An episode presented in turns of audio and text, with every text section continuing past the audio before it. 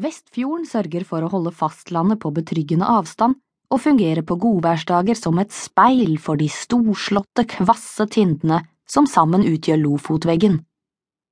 Bro- og tunnelforbindelser gjør det mulig å kjøre eller sykle hele Lofoten gjennom, fra Austvågøy i nordøst, gjennom Gimsøy, Vestvågøy, Flakstadøy og til Moskenesøy i sørvest.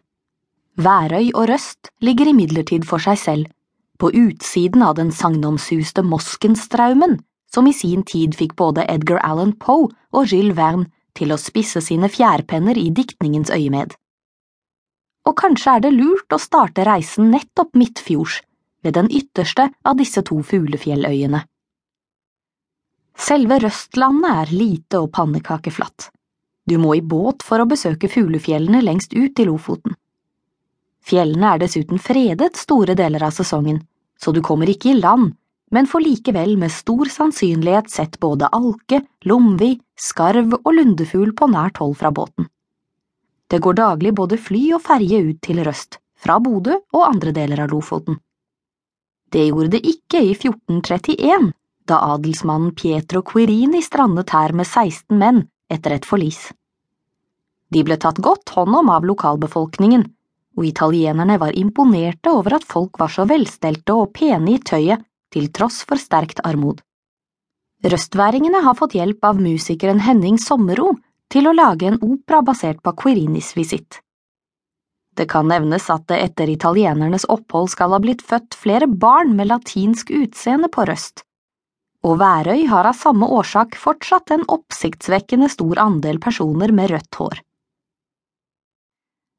Røst er kjent for tørrfiskproduksjon og eksport, og har den dag i dag et nært handelsforhold til Italia, også til Quirinis etterkommere.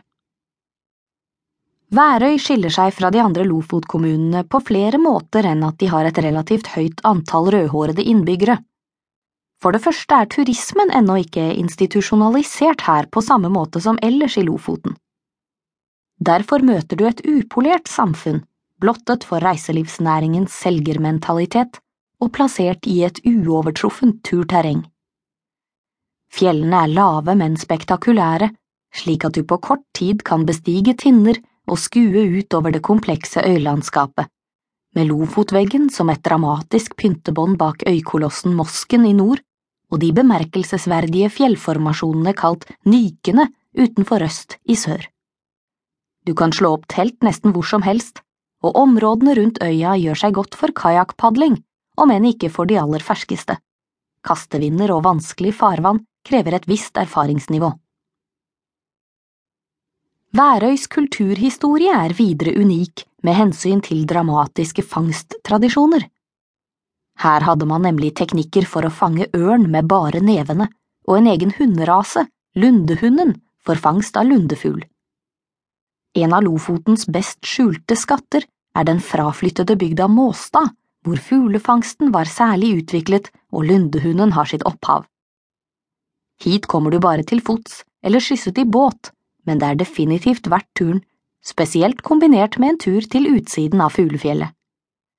Faktisk stammer samtlige av lundehundrasens tusen gjenlevende individer fra denne bygda, som ble forlatt av sine vel 150 innbyggere da båtmotoren for alvor gjorde sitt inntog på 1950-tallet.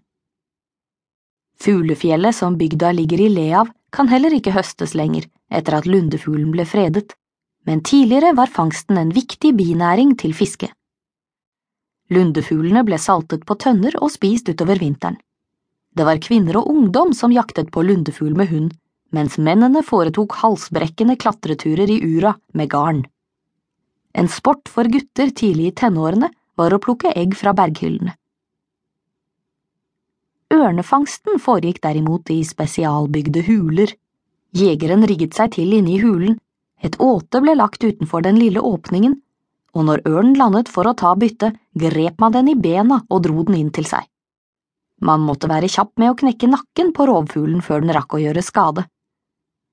Flere av disse hulene er intakte fremdeles og kan beskues og entres.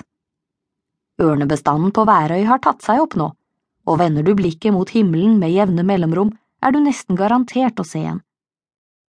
I dag finnes det ingen buskap på øya, så fuglen får sveve i fred.